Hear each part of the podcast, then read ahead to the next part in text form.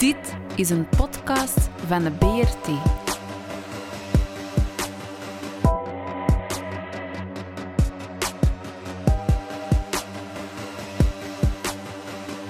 De Brabantse radio- en kleurentelevisie.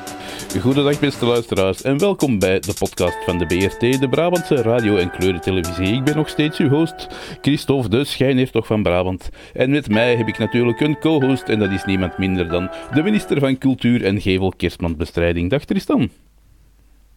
Dag Christophe. Vandaag hebben we natuurlijk ook weer een onderwerp. En voor dat onderwerp hebben we uh, twee gasten, namelijk de auteurs van het boek De Debatfiches van de Vlaamse elite. Dag Karim en dag Rob. Dag heren. Goedenavond. Dag Tristan, dag Christophe. Goedenavond. Ik vlieg direct in met een eerste vraag. Het boek De Debatfiches van de Vlaamse elite.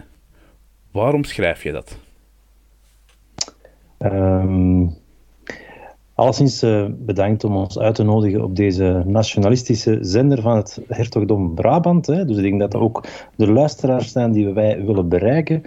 Waar is het begonnen? Ik denk ergens uh, in 2020 kwam het idee dat we toch iets moesten doen aan het feit dat er toch wel een belangrijke verschuiving was. Er was een, 2019 was eigenlijk een moment van de waarheid, een, een gordijn dat weggetrokken werd. We zagen Bart de Wever maanden onderhandelen met het Vlaams Belang. Uh, we lazen in de kranten hoe dat de VOCA vond dat het Vlaams Belang en N-VA samen gerust een regering mochten vormen.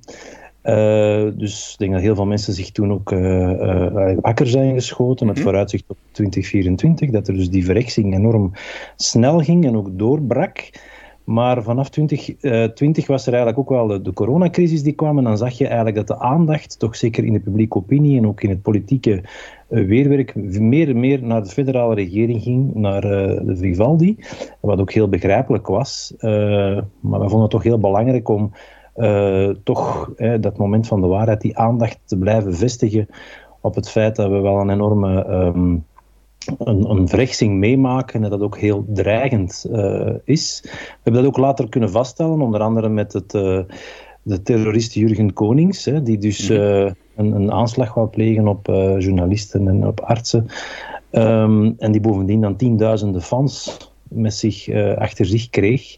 Wat toch heel sterk toont dat er een bepaalde mindset is die, uh, die, die, die verandert, die verschuift naar die rechtse hegemonie.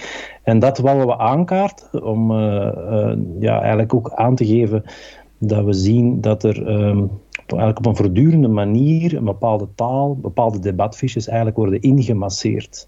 Ja. in het voorjaar in, 2021 is ook Jan Blommaert overleden. Hè. Die had sowieso altijd heel veel aandacht voor taal. Die wees ons op de taalstrijd die gevoerd moest worden die ook altijd vertrok vanuit de centrale uh, vraag, hè, in wiens belang wordt er gesproken. En uh, met dat boek willen we eigenlijk ook een eerbetoon aan uh, Jan Blommaert en we willen ook wel het, het, werk verder zetten. Dus ik denk dat dat eigenlijk toch het, het belangrijkste um, beginpunt is geweest. we stelden ook vast dat er toen wel veel analyses kwamen over extreem rechts. Maar die, die een duiding ging eigenlijk vooral richting bijvoorbeeld de volksaard van de Vlaming hè, of mm -hmm.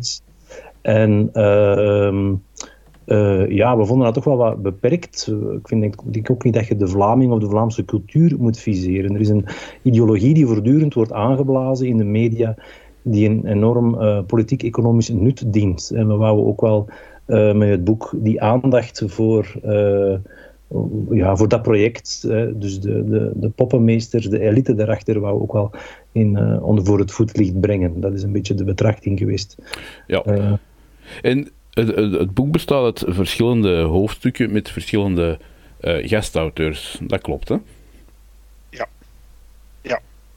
We hebben inderdaad in eerste instantie, we hadden, we hadden zelf een soort van idee van wat soort thema's er aan aan bod zouden moeten komen. Mm -hmm. uh, precies omdat die debatfiches, hè, we hebben een aantal termen, een aantal zinsneden, ideeën die tegenwoordig zeer ruim gedeeld worden uh, in de publieke opinie, in het publieke debat, waar geen vragen meer worden bijgesteld, die erin gaan als zoete broodjes. En dat precies dat punt, het feit dat die, hè, want we verwijzen in de inleiding ook op een bepaald moment naar Gramsci, en natuurlijk op het moment dat je dat soort hegemonie hebt, namelijk dat je uw eigen termen kunt kunt laten doorgaan alsof ze neutraal zijn of als ze, alsof ze een, een objectieve beschrijving van de werkelijkheid zijn, ja, dan heb je natuurlijk al een deel van het ideologisch debat gewonnen. Hè? Ja. Dus daar worden we zeker op inzetten. En wat Rob daar juist al gezegd heeft, hè, dus precies gaan kijken wat, wat is de agenda die daarachter steekt. En natuurlijk ook met het oog op 2024, hè, want dat wordt natuurlijk. ehm, dan staat er ons wel wat te wachten, hè, of mogelijk wat te wachten. Dus het is ook in het, in het licht daarvan dat we daar dat we vinden dat dat wel een inzet moet zijn van een, eh, een breed gedragen eh, politiek debat daarover. Ja. En dan zijn we op zoek gegaan naar auteurs die met kennis van zaken over een van die mogelijke eh, termen of, of zinsneden of concepten zou kunnen schrijven en willen schrijven. Dus dan zijn we op zoek gegaan naar auteurs. En de meesten hebben daar zeer enthousiast op gereageerd. En het geeft ook aan dat bij een, bij een breed, enfin, toch bij een breed, enfin, breed publiek er die onvrede wel leeft. En de moeilijkheid om dat soort eh, termen te problematiseren in het publieke debat. Daarom dat we dus ook mensen hebben zoals eh, Tom Lanois, maar ook goed iemand zoals Jean-Paul van Bendegem, die direct hebben ja gezegd om mee te werken aan dit boek. Dus het geeft wel aan dat er, dat er bij verschillende, zeker in progressieve middens, dat, daar, dat die ongerustheid daar zeer groot is. En dat, maar tegelijkertijd ook het besef dat we daar nog altijd iets kunnen aan doen. En dat is eigenlijk een beetje de manier waarop dat we ons boek dan ook samengesteld hebben. We hadden zelf een aantal ideeën van wat er mogelijk zou inkomen, maar we hebben veel auteurs gevonden die zeiden van ah, maar dit vind ik ook interessant of misschien moet dit er ook in. Dus in die zin is het, is het echt wel ook een, een collectief werkstuk geworden. Eh, precies omdat de inbreng van de auteurs, niet alleen qua tekst, maar ook qua welke, welke, welke thema's of welke concepten zij belangrijk vinden, dat, dat die daar ook eh, zeg maar de nodige inbreng hebben gehad. Dus in die zin was het een. een wel, collectief werkstuk is altijd tegelijkertijd moeilijk en makkelijk. Het is moeilijk omdat je natuurlijk bij veel verschillende mensen toch tot, tot een coherent, consistent geheel moet kunnen komen. En dat is, het, dat is een uitdaging, maar ik denk dat dat eh, vrij goed gelukt is. En, maar het is tegelijkertijd ook een zegen, want je krijgt veel input vanuit Mhm. verschillende ehm, invalshoeken die wij niet noodzakelijk al, al in ons achterhoofd hadden. En daarom heeft het boek, sommige teksten hebben ons verrast en blij verrast. Dus dat was een, in die zin wel een aangename ehm, ervaring. Ja. Eh, want, eh, gelijk de- een, een, eh, ja. een samenspel wel van eh, heel veel verschillende soorten debatfiches. Die, dat vond ik wel, wel interessant. Er- Ik heb het met Karim eh daar dikwijls over gehad. Dat je dan eh, eh, input krijgt van mensen die eigenlijk allemaal bepaalde eh, rechtse termen, cretologie eigenlijk opsturen. En dat je merkt van kijk, er zit eigenlijk een enorm ja, samenspel in van, van verschillende soorten debatfiches. En daarom hebben we ook drie delen in het boek gemaakt. Dus over het Vlaams nationalisme, wat daarover gezegd wordt. Het bijzondere aan de Vlaamse identiteit is dat die eigenlijk vrij vaag is. Dus dan zie je ook hoe dat er eigenlijk politiek heel hard mee gespeeld wordt om dat op een bepaalde manier in te vullen. Eh, dus dat is wat het, het eerste deel van het, van het boek over die, eh, die Vlaams-nationalistische identiteitsvorming en ook die mythevorming, want er zitten Mhm. daar heel veel eh, losse verhalen in, fabels in. Eh, en dan merk je dat dezelfde figuren die ook die, nationaal eh, eh, die Vlaams-nationalistische uh, slogan... Zonder Freudiaanse lapsus geweest zijn, Rob. Dat is voor straks. Ja. Dat die ook heel sterk in, in, in een neoliberaal discours zitten. En dat is opvallend dat die dus eenzelfde soort eenheidsdenken hanteren. En dan zie je daar wel een mechaniek in. Hè? Dus die, dat Vlaams nationalisme wilde een bepaalde invulling van een wij geven.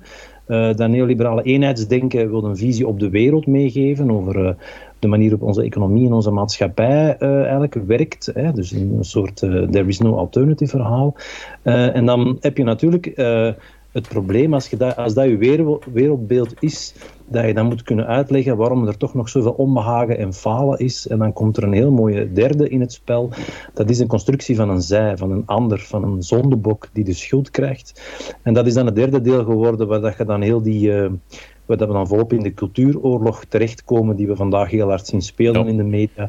Dus de ander, de vreemdeling, de linkse, eh, de, de slechte Vlaming.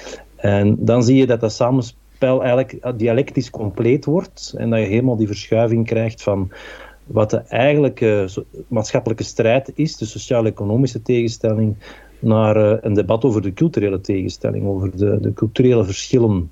Ja. En dan zitten we terug bij Jan Blommaert, die dan ons zal dwingen of vragen of verzoeken om de vraag te stellen van in wiens belang is dit? Uh, en dat stippen we dan ook uh, in de verschillende debatfiches ook aan, hoe dat, wie dat daar het voordeel van heeft. Ja, gelijk dat je zegt over die Vlaamse natievorming en die Vlaamse uh, identiteit die altijd wordt opgedrongen. Wij als Brabanders, wij voelen ons daar absoluut niet door aangesproken. Uh, wij vinden dat zelfs een, een kaakslag voor alle Brabanders, dat wij constant die Vlaamse uh, mythevorming over ons heen krijgen, alsof dat wij als Antwerpenaren of als Brabanders Vlamingen zouden zijn. Dat is ook een van de hoofdstukken in, in het boek. Hè, de, wie in Antwerpen of Brabant woont, is een Vlaming, is de, is de titel van dat hoofdstukje. Nu, ik heb persoonlijk als de schijn toch van Brabant al wel een probleem met de titel van dat hoofdstuk, want het zegt wie in Antwerpen of Brabant woont.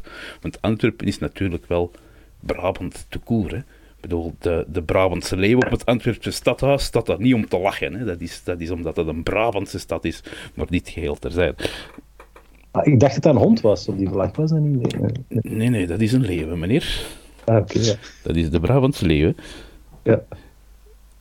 Nee, het, het, zijn zo van die. Hè, dat, dat, dat, hoofdstuk, dat hoofdstuk dat gaat over de verwarring die dat er constant is tussen dat Vlaanderen, het Vlaamse gewest en heel die. Ja, die, die die, die terminologie, dat, dat, dat, dat Vlaamse op alles wordt ge, gekwakt.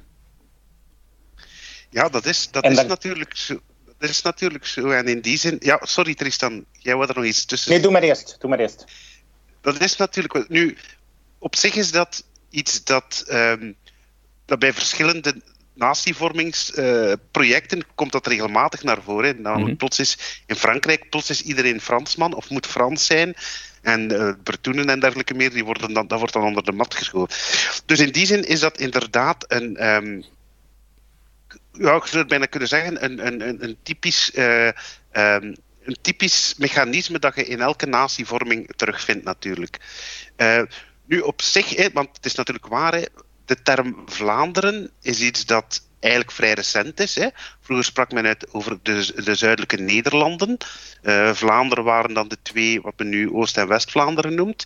Later is dat uitgebreid. Het is ook waar dat er in, in, eh, in, in de beschrijving van het, van het uh, van het federale België, dat Vlaanderen daar niet voorkomt als term. We hebben een Vlaamse gemeenschap en we hebben een Vlaams gewest. Maar Vlaanderen als geografische entiteit of als culturele entiteit komt daar niet in voor. Je zou natuurlijk kunnen zeggen, ja, wat, daar, wat die, wat die um, wat oorspronkelijk waarschijnlijk de bedoeling of de, de achterliggende gedachte was, was dat die, die de zuidelijke Nederlanden, dat die allemaal een taal deelden, namelijk Vlaams, of Vlaams-Nederlands, wat, wat het ook mogen zijn.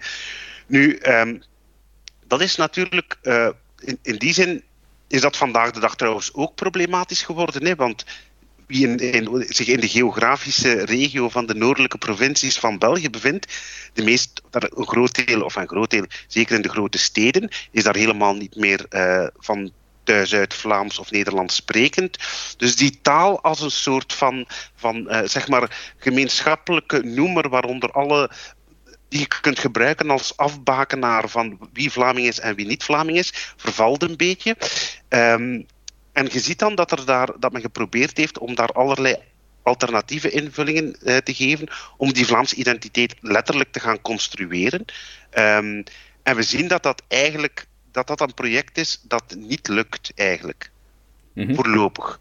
Er wordt natuurlijk allerlei. We moeten meer naar Vlaamse liedjes luisteren op de radio en dergelijke meer. Maar de facto het feit dat dat tegenwoordig moet opgelegd worden via uh, overeenkomsten met de VRT en dergelijke meer, geeft aan dat dat eigenlijk niet werkt. Hè? Dat, dat, dat dat idee eigenlijk niet meer werkt. En als je kijkt, enfin, voor wat het waard is, de meeste.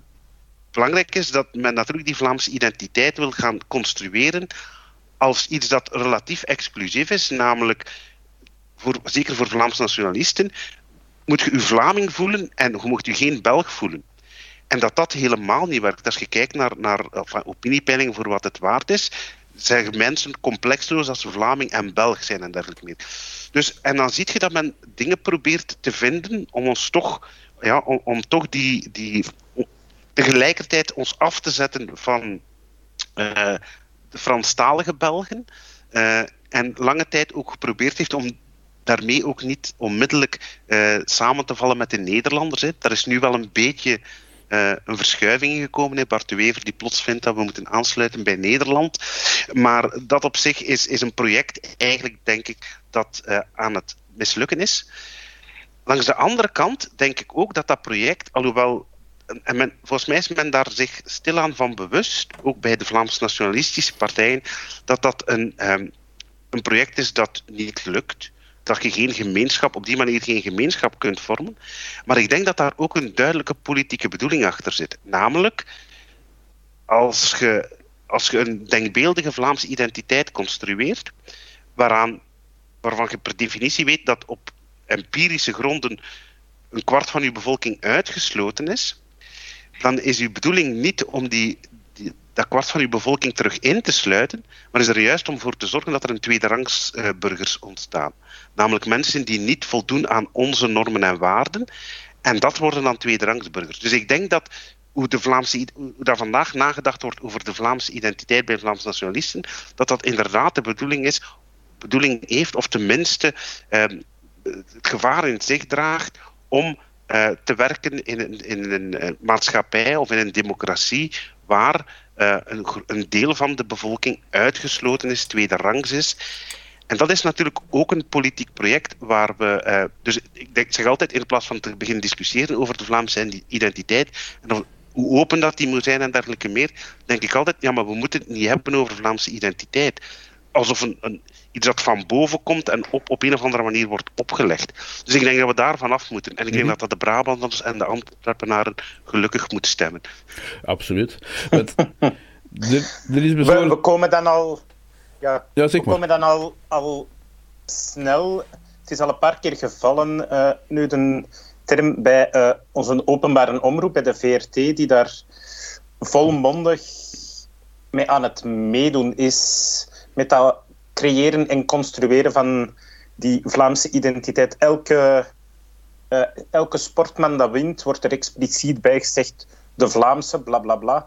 Uh, als, er, er, was, ik weet al niet meer in welke context dat het was, het ging over een of andere statistiek, maar Vlaanderen is een land waar, dat wordt zo ondertussen op, op uh, de VRT vermeld, terwijl ja, dat is heel, hoe, hoe zal ik zeggen, uh, heel voorzichtig, maar toch heel duidelijk wordt dat bijna elke dag zijn er talrijke voorbeelden te vinden waar dat, dat er wordt ingeklopt, bijna, ik zal het zo zeggen. Ja. ja. En tegelijkertijd speelt in, in, in nationalistische middens dan de, de mythe van de rode VRT. Dus, Ook een ja. hoofdstuk. Ja, ja, ja, ja inderdaad.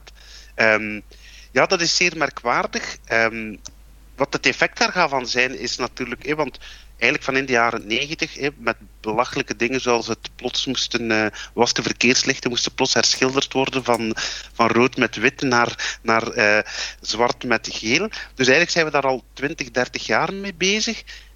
En ik, tot hiertoe moet je vaststellen dat dat, dat, dat eigenlijk weinig heeft, heeft uh, uitgehaald. In de zin van uh, dat mensen zich nu plots veel meer Vlaming voelen dan Belg uh, in vergelijking met 20 of 30 jaar geleden. Dus daarom denk ik dat dat. dat betekent, daarom, ik wil dat ook niet, uh, uiteraard niet, niet tegenspreken dat al die processen aan de gang zijn.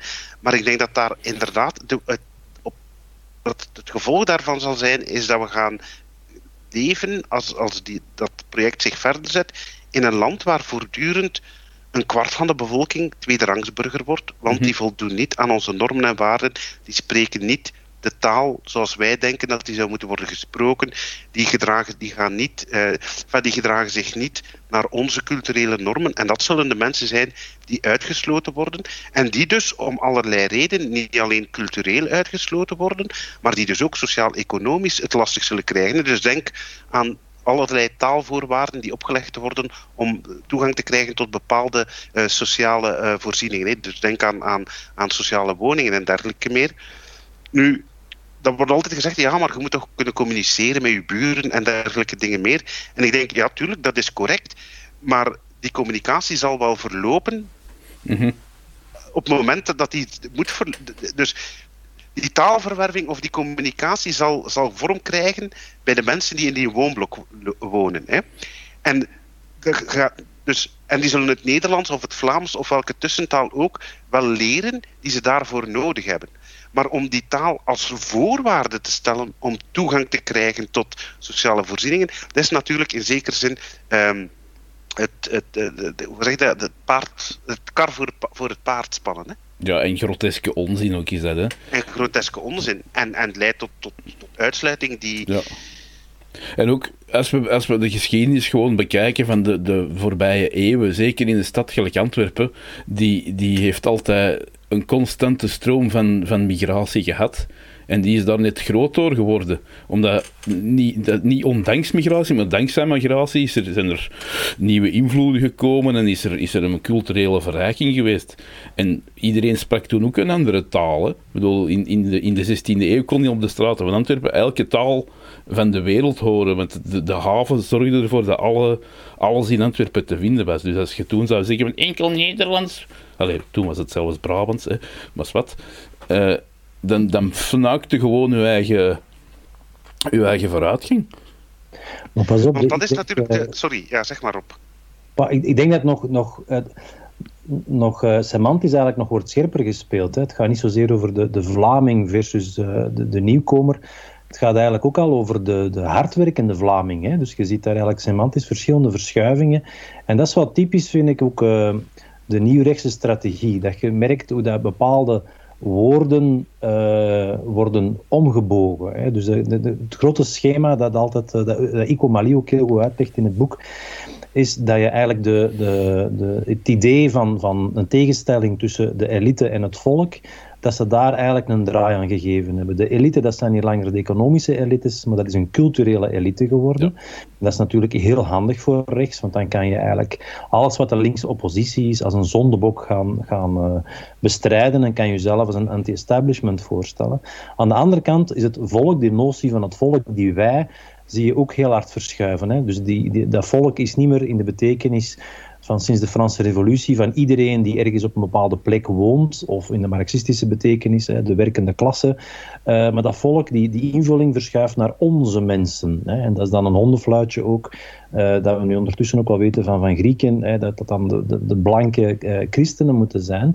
Maar dan zie je dat nog verder doorschuiven. Dan gaat het eigenlijk over de mensen die werken. En die niet alleen werken, die hard werken, die succesvol zijn. Uh, en dan krijg je eigenlijk een, typische verdeel- en heerslogica die heel hard speelt en die ook de elites heel goed uitkomt. Je kunt dan een onderscheid gaan maken tussen de goede en de slechte Vlamingen. En uh, ja, zo, zo heb je natuurlijk, uh, zo kun je de, de teugels nemen hè, en kun je eigenlijk uh, onderling mensen tegen elkaar opzetten en heb je weinig sociaal protest. En dat, is, dat komt ook in het derde deel mooi aan bod, vind ik. Uh, en dat zit ook heel ingenieus in elkaar, hoe dat er uh, semantisch gespeeld wordt, of, of, woorden worden uitgevonden, of vijanden worden geconstrueerd. Uh, hè, dus die culturele elite die opkomt voor de mensenrechten, die hebben eigenlijk een snoodplan, dat is al snel een, een complot. Hè, en dan ja. feministen die, die bijvoorbeeld, ja, er wordt dan van gezegd, die halen eigenlijk man, mannen van elders naar hier om de witte man in verdrukking te brengen, waardoor dat hij zijn zaad minder waard is. En ook het nageslacht wordt dan dommer, waardoor dat zij beter kunnen domineren. Dus je kunt het zo zot niet bedenken hoe al die, die mensen in, die, die in termen van die omvolking denken, hoe dat die eigenlijk met, met een... Uh, met een, een, ja, een, een, paranoïde structuur zitten. Maar dat leeft wel en dat is sensationeel en dat, dat, uh, dat, dat vangt de aandacht en dat neemt dan vooral de aandacht weg van een ander debat. En uh, dat is wel heel sterk aan heel het, ja, aan, aan, aan, aan, aan dat discours en, en uh, aan, aan, aan die nationalistische frame die daar eigenlijk altijd bovenop zit. Ja, een ander ding dat dan ook altijd naar boven komt zijn de, de transfers. Hè. Eh, de harde werkende Vlaming betaalt de factuur van, van, de, van de luie waal. Hè. Dat is zo'n typisch cliché dat altijd naar boven komt, terwijl dat ook voor een groot deel op, op, op onzin gebaseerd is. Hè. Het is niet enkel de hardwerkende Vlaming. De transfers lopen niet van Vlaanderen naar Wallonië, maar van elk stuk van het land naar elk ander stuk van het land. Uh, maar dat is niet de, de realiteit die naar voren wordt gebracht. Het is altijd de hardwerkende Vlaming betaald voor de Waal, terwijl dat... Allee, dat kan niet zo zijn. Ja, en, en ja, want het is één kwestie, want er staat ook een stukje in over die transfers. de, Bart de Wever en, en, en, en VA rekenen nogal snel, uh, komen met van, uh, fantastische bedragen af met die, van transfers die van noord naar zuid zouden gaan. Maar het is zoals dat jij zegt, een groot deel van die transfers zijn geen transfers tussen, tussen noord en zuid, maar zijn transfers in de zin van uh, die, onze sociale zekerheid. En die mhm. gaan van persoon tot persoon en niet van regio tot regio. Als je kijkt naar hoeveel geld er van regio naar regio, of, van gemeenschap naar gemeenschap of gewest naar gewest gaat, is er inderdaad een netto transfer naar, naar, naar Wallonië. Maar het grootste deel van wat, ehm, wat uh, de Vlaamse nationalisten rekenen als transfer van noord naar zuid, is natuurlijk gewoon transfer, transfer van. Uh, is er verdeling is, sociale, sociaal-economische herverdeling, namelijk via in, door interpersoonlijke solidariteit. En dan krijgt de Waal die een uitkering krijgt, krijgt hij niet omdat hij Waal is, maar omdat hij uh, uh, um, werkloos is. Net zoals de Vlaming die werkloos is, die uitkering krijgt. Het heeft niks te maken met, met een transfer van, van Waal naar Vlaming. Dat is gewoon. Hè. Want als we die cijfers. Er is ook een stuk van Guy van Temse dat in dat boek dat ook al fijn uitlegt, dat, dat bijvoorbeeld de jongeren in Brussel, die via de belasting die zij betalen, betalen zij eigenlijk de pensioenen van de ouderen in Limburg en in Kortrijk. Mhm. Dus dat zit allemaal veel genuanceerder in elkaar, maar ja, daar kun je natuurlijk niet politiek de boer op. Hè. Het is gemakkelijker om te zeggen dat die walen lui zijn en uh, daar vooral niet te veel debat rond te hebben verder. Ja, maar als je de cijfers eigenlijk goed bekijkt van de Nationale Bank, dan zie je, dan zie je niet dat, de, de Vla dat ze van Vlaanderen naar Wallonië gaan, maar eigenlijk van, van het midden van het land naar, naar al de rest. En eigenlijk ja. kun je dan zeggen dat ze van Brabant naar de rest gaan. Ja, ja, ja. ja, ja inderdaad. Van Waals-Brabant. Van van Antwerpen, van, van Vlaams-Brabant gaan ze naar Limburg, naar West-Vlaanderen en naar, en naar Henegouwen en Wallonië en uh, naar Namen en naar. En wij als Brabanders, wij, wij vinden dat helemaal niet erg. Dat, dat er van ons geld naar, naar, naar andere regio's gaat, maar wij willen niet dat, dat dan de Vlaamse partijen meteen onzin afkomen van dat, ze, dat, dat het de hardwerkende Vlaming is. Nee, dat is een absolute groteske onzin. Jullie moeten ook de VRT terug opeisen, hè? want de VRT die, die doet van Brussel niet bestaat en Brabant niet bestaat. Hè? Ja, maar dat is, dat is één dat is een van onze eisen. Wij zijn, wij zijn van voorstander dat de, de VRT verhuist naar een Vlaamse stad. Wat ons betreft uh, uh, Duinkerke of Lille of Hulst of zo. En dan kunnen wij terug in Brussel de BRT uh, eh, oprichten.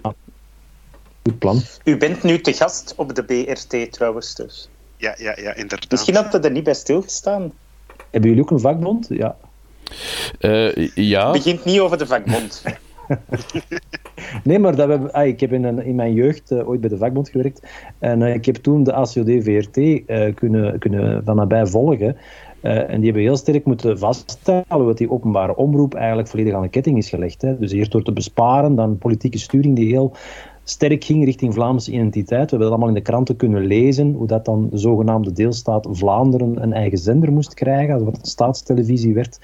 En uh, dat is een heel maf, maffe evolutie in dat medialandschap, dat je aan de ene kant die commerciële media hebt, hè, de grote groepen die, die openbaar omroep weg willen, want dat, dat geeft kwaliteit, dat willen ze niet. Hè. DPG Media wil daar monopolie op ons medialandschap. En aan de andere kant heb je dan politici die dan een beetje moeite hebben met uh, journalistiek en, en ook de, de openbare omroep dan aanpakken. En vooral Vlaams nationalisten die willen van die VRT een identiteitsfabriekje maken. En dat, dat geeft wel heel frappante zaken. Ik herinner mij dat nog, en ik denk dat Tristan dat ook nog goed weet, dat Geert Hoste, een, een komiek in De Ideale Wereld, een satireprogramma, een, een persiflage gaf van de, van, van de Vlaams blokkers, Vlaams belangers, en dus de Hitlergroet, Hitlergroet bracht.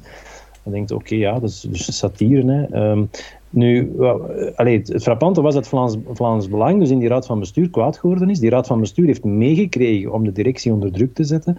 En dat fragment is dus gewoon offline gehaald. Hè. Dat is dus, dus keiharde cancelcultuur vanuit rechts.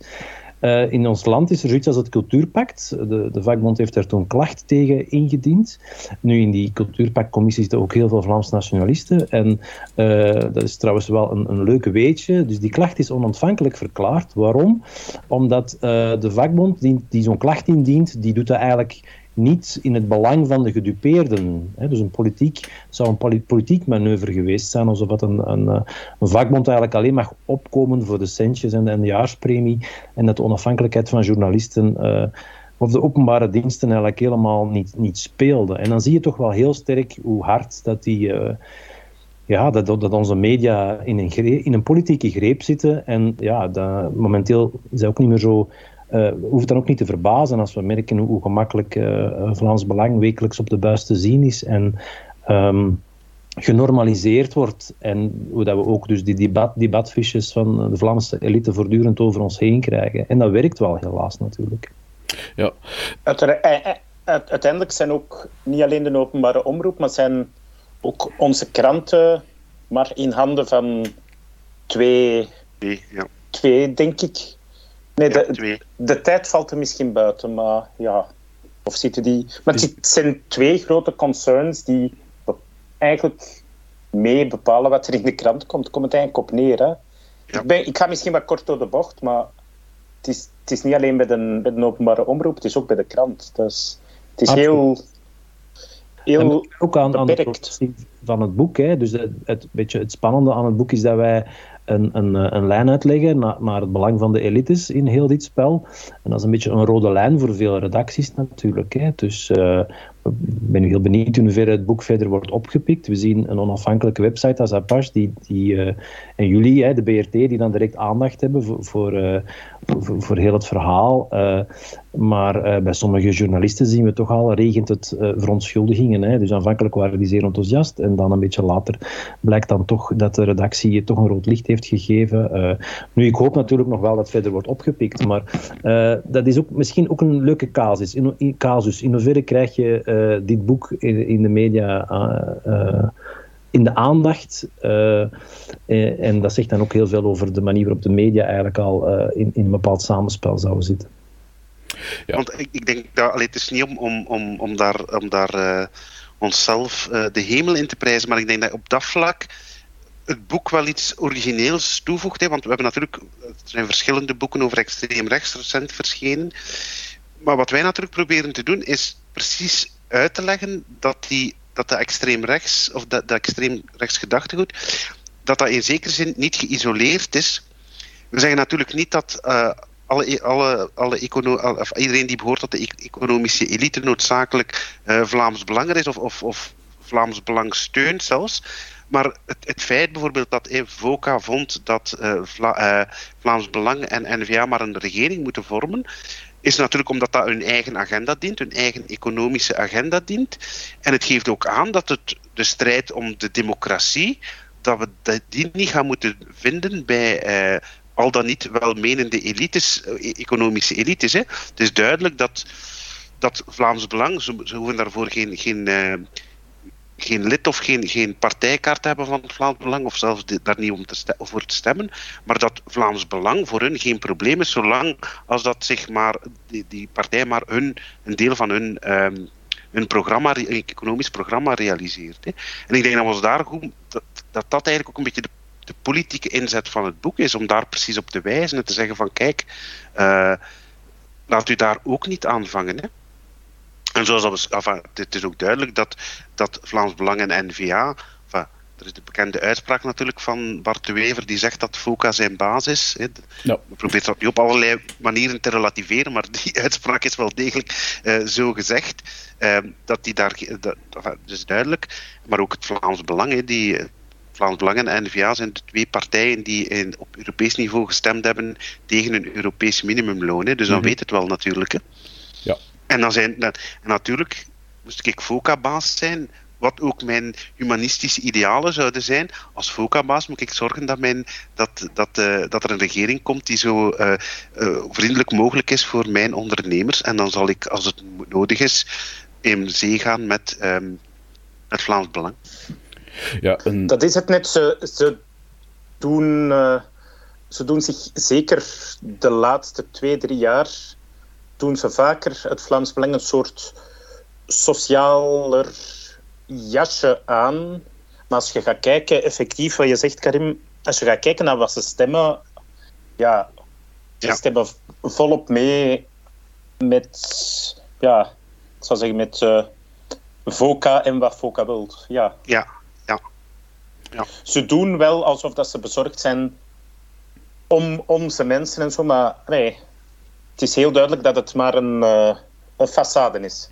Dat is, ja. Dat is het spel ook. Hè. Iemand als Mark zal niet het Vlaams Belang steunen, voor zover ik weet. Maar het Vlaams Belang bedient wel volledig zijn belangen. Omdat natuurlijk de splitsing van dit land in eerste instantie de splitsing is van de sociale zekerheid en de macht van de vakbonden en de mutualiteiten die federaal zich georganiseerd hebben.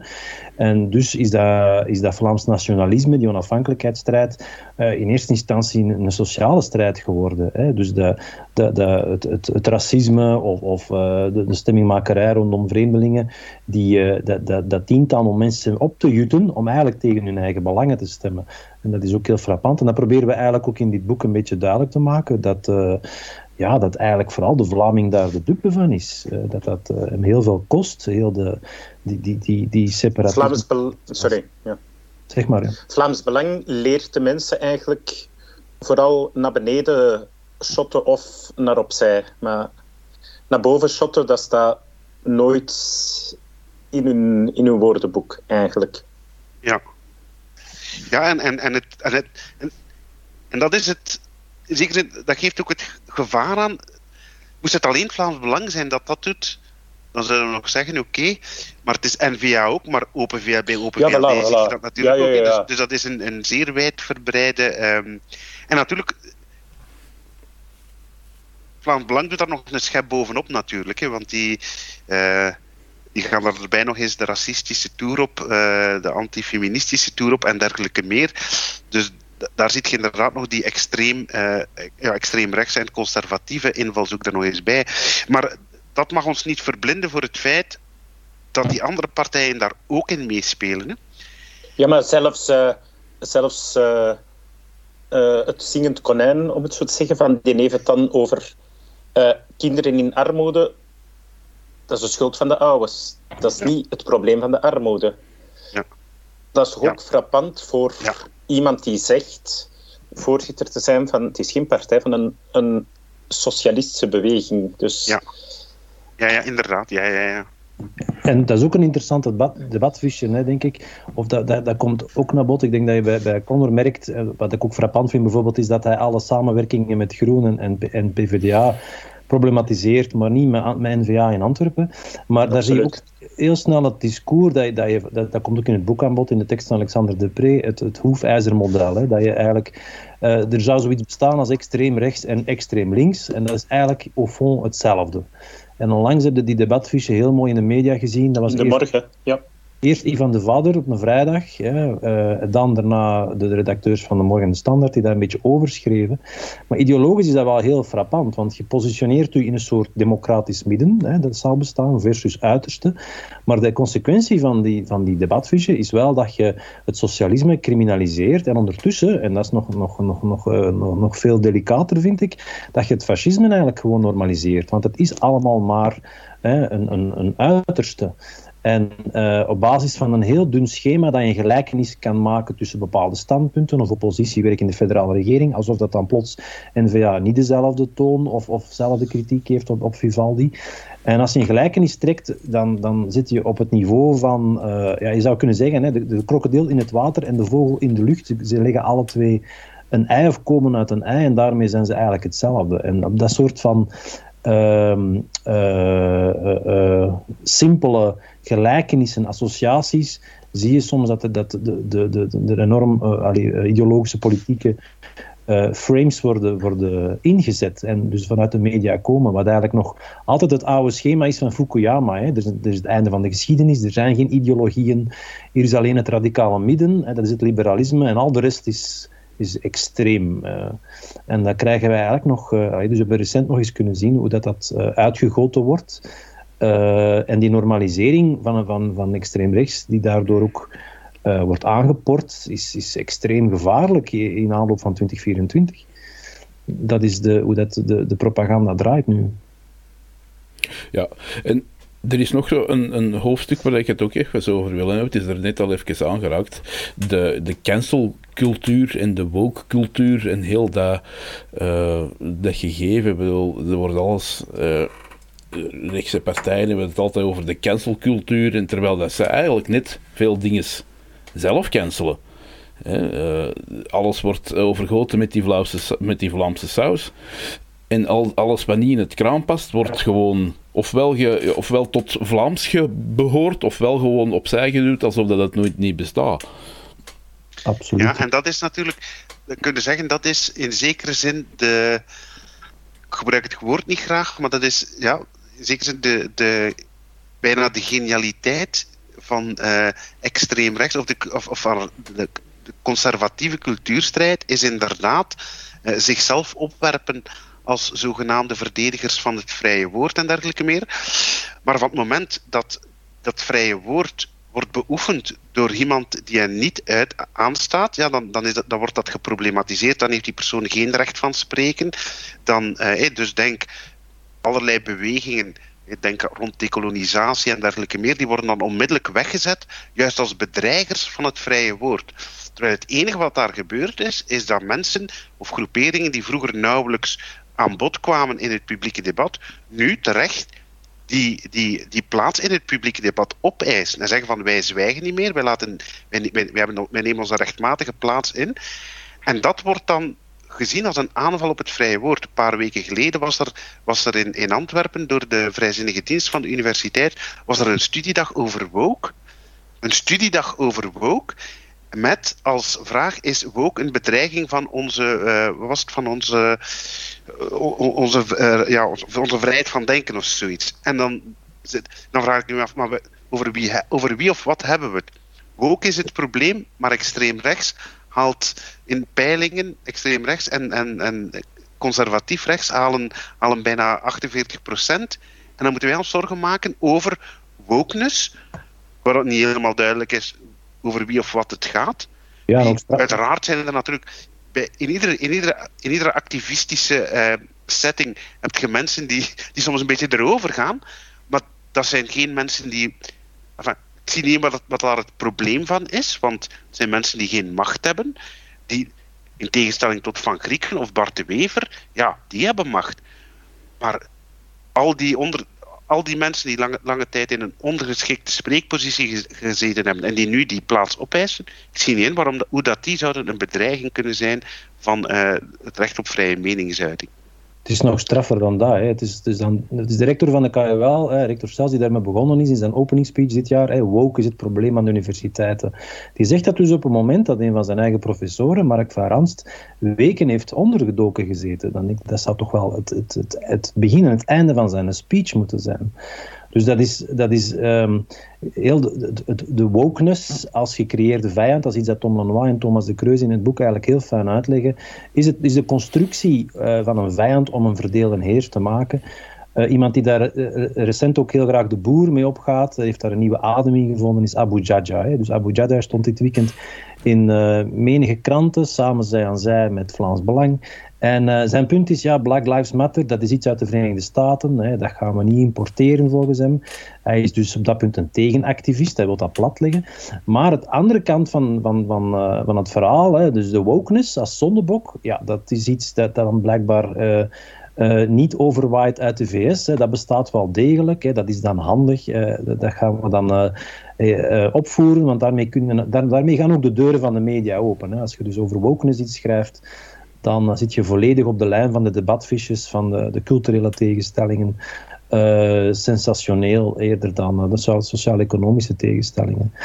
Um, ja, dus, dus die, die, die wokeness is eigenlijk een, een ideale studie van uh, de manier waarop politiek en ideologie werkt vandaag. En dat gaat ook maar door, dat vind ik nog frappant. Dat is al tien keer doorprikt. Verschillende mensen hebben daarover geschreven van ja, we moeten er toch wel relatief, toch wel, wel kanttekeningen bij plaatsen, maar mensen als Mia Doornaert en zo, die herhalen eindeloos op repeat hetzelfde punt. Uh, die hebben dan, die zien ergens een geval van, van uh, dat zij dan de stempel wokeness kunnen meegeven, maar als ondertussen uh, onze mediaminister tijdens de, het uitbreken van de oorlog in Oekraïne uh, de Russische media cancelt, hè, dus de, dan zien we hoe ver dat die vrije meningsuiting eigenlijk gaat. Hè. Dus dat is een heel hypocriet verhaal, maar wel, wel mooi om te bestuderen natuurlijk. Hè.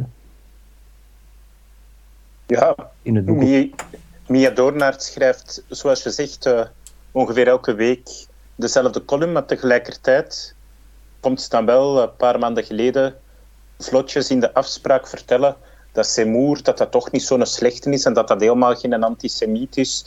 En zonder tegenspraak, hè. Ja, dat en, is en natuurlijk... dat kan dan. Ja, dat is...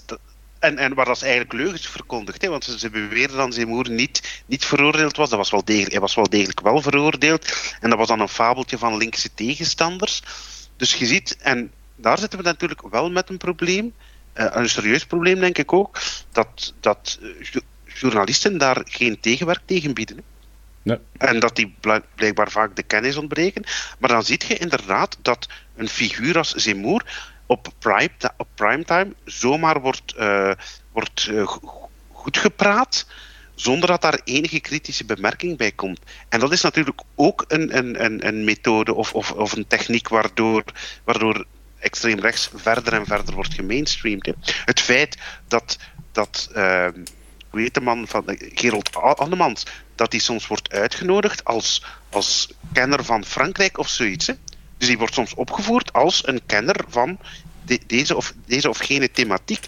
Los van de vraag dat hij natuurlijk een van de speelfiguren van een extreemrechtse partij is. Dus ja, dat is, dat is merkwaardig hoe vlot dat dat gaat.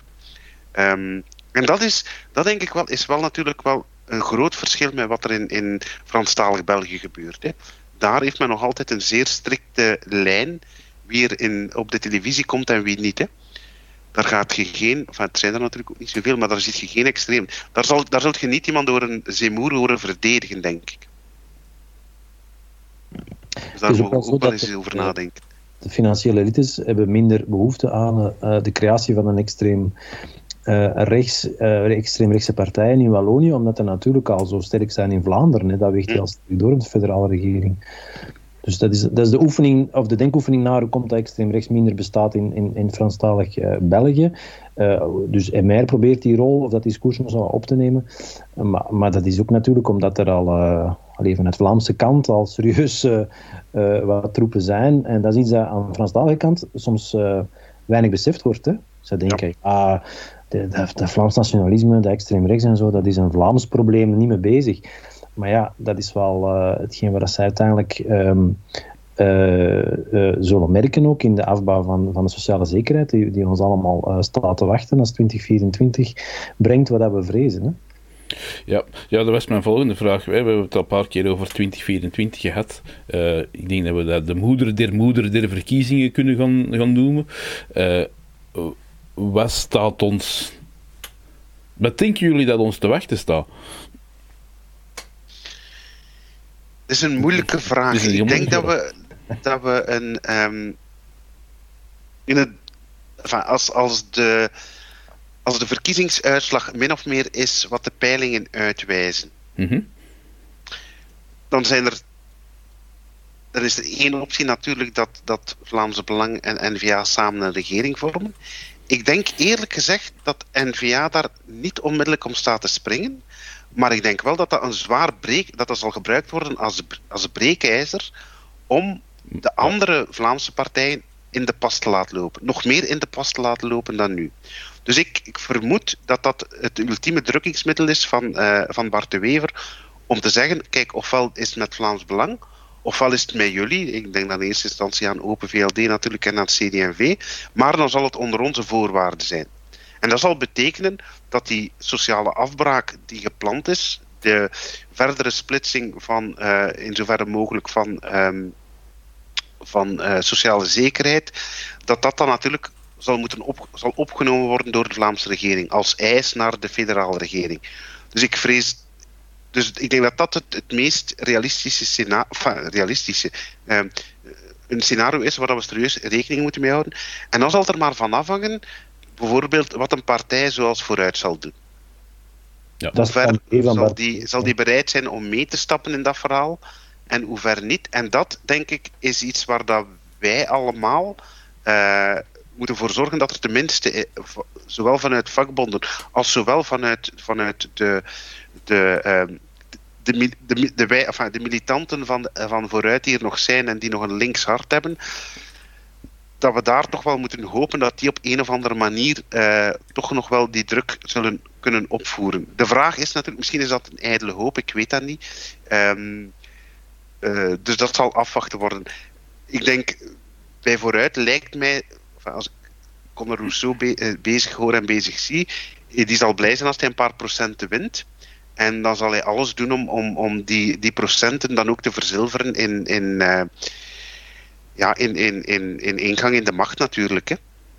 Dus ik ben daar niet zo, ben daar niet zo optimistisch over. Um, het andere scenario is natuurlijk dat uh, Vlaamse Belang en N-VA toch, eh, stel dat die andere partijen zeggen van nee, nee, we gaan die rode lijn uh, niet over, uh, die Rubicon niet oversteken. Hè. Uh, we willen een regering vormen met N-VA, maar het zal toch niet zijn op, volledig op de, op de termen die, die N-VA voorstelt.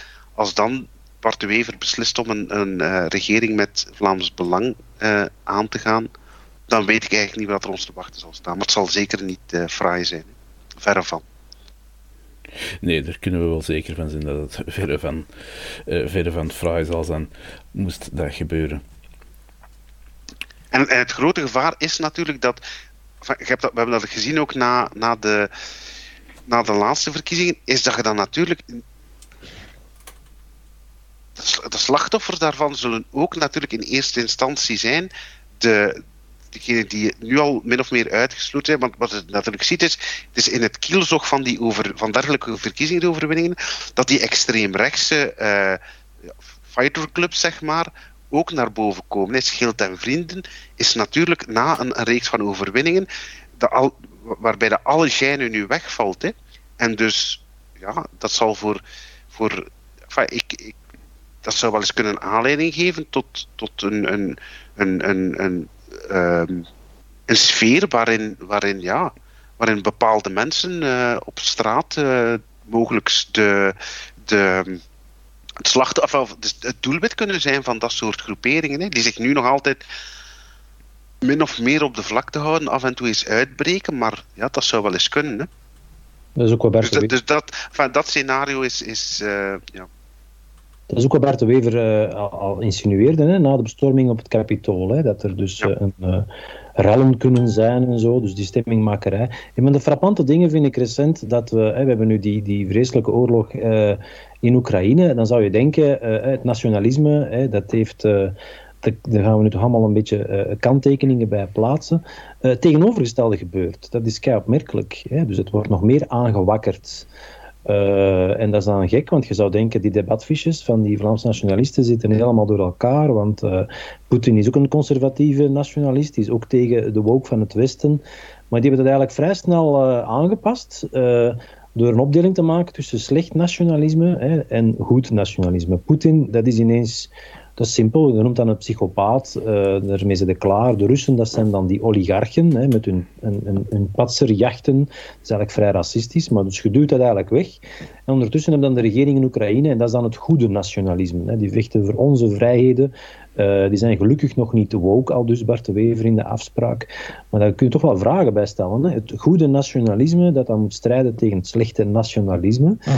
Uh, en dan ja, kun je ook wel wat kanttekeningen plaatsen bij de moraal van, van, uh, van de regering van Oekraïne. Hè? Die dus toch ook een burgeroorlog voerde tegen de eigen bevolking in het oosten de vorige jaren.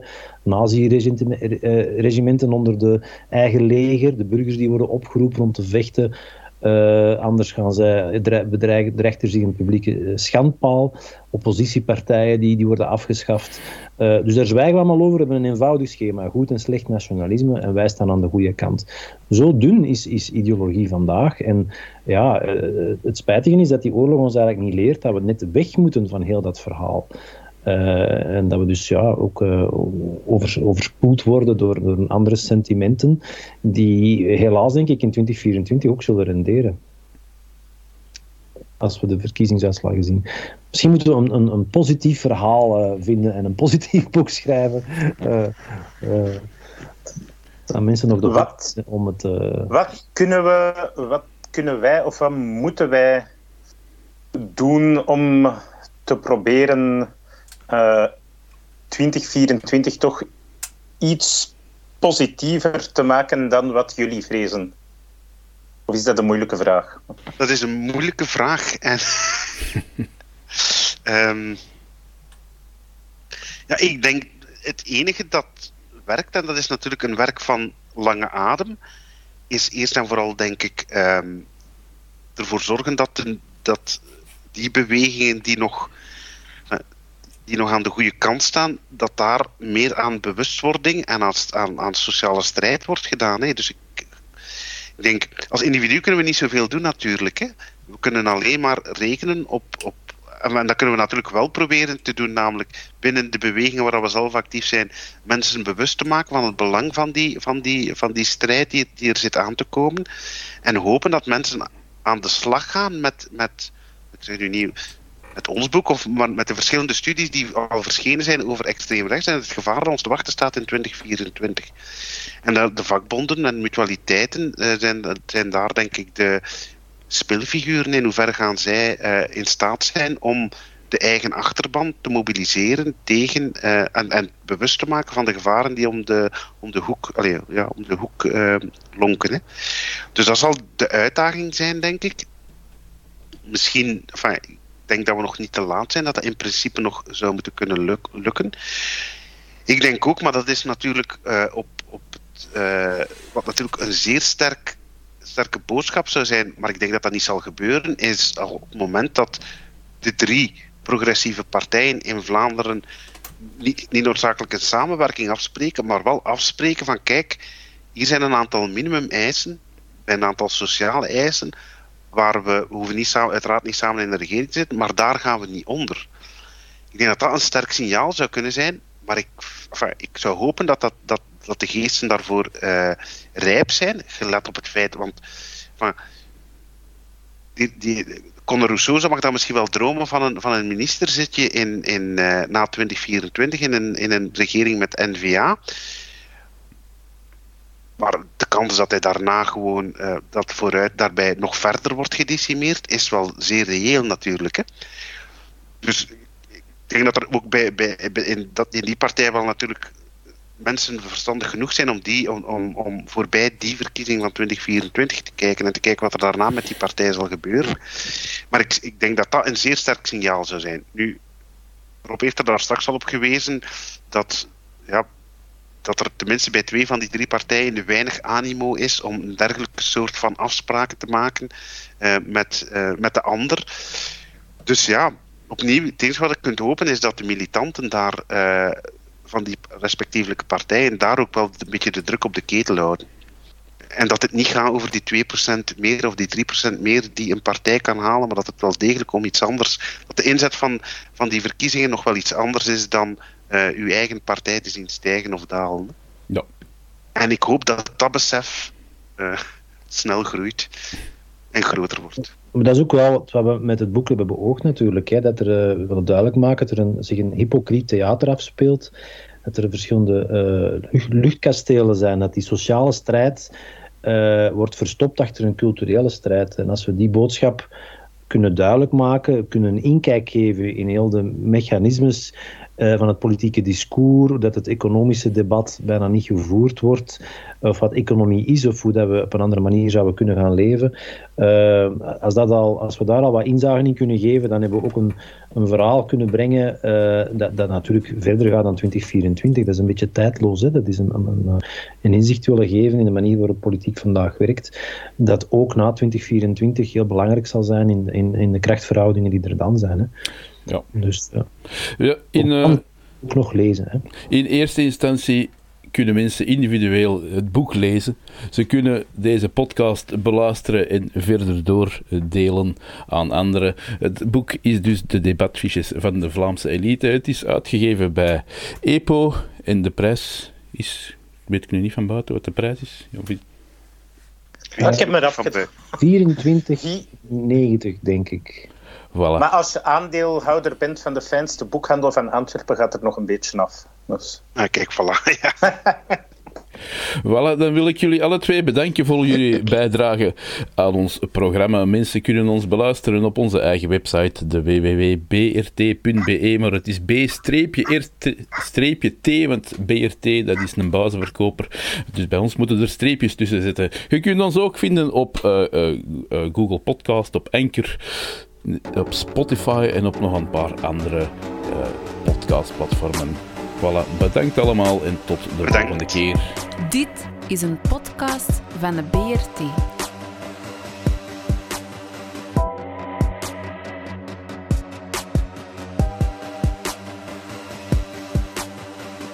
De Brabantse radio- en kleurentelevisie.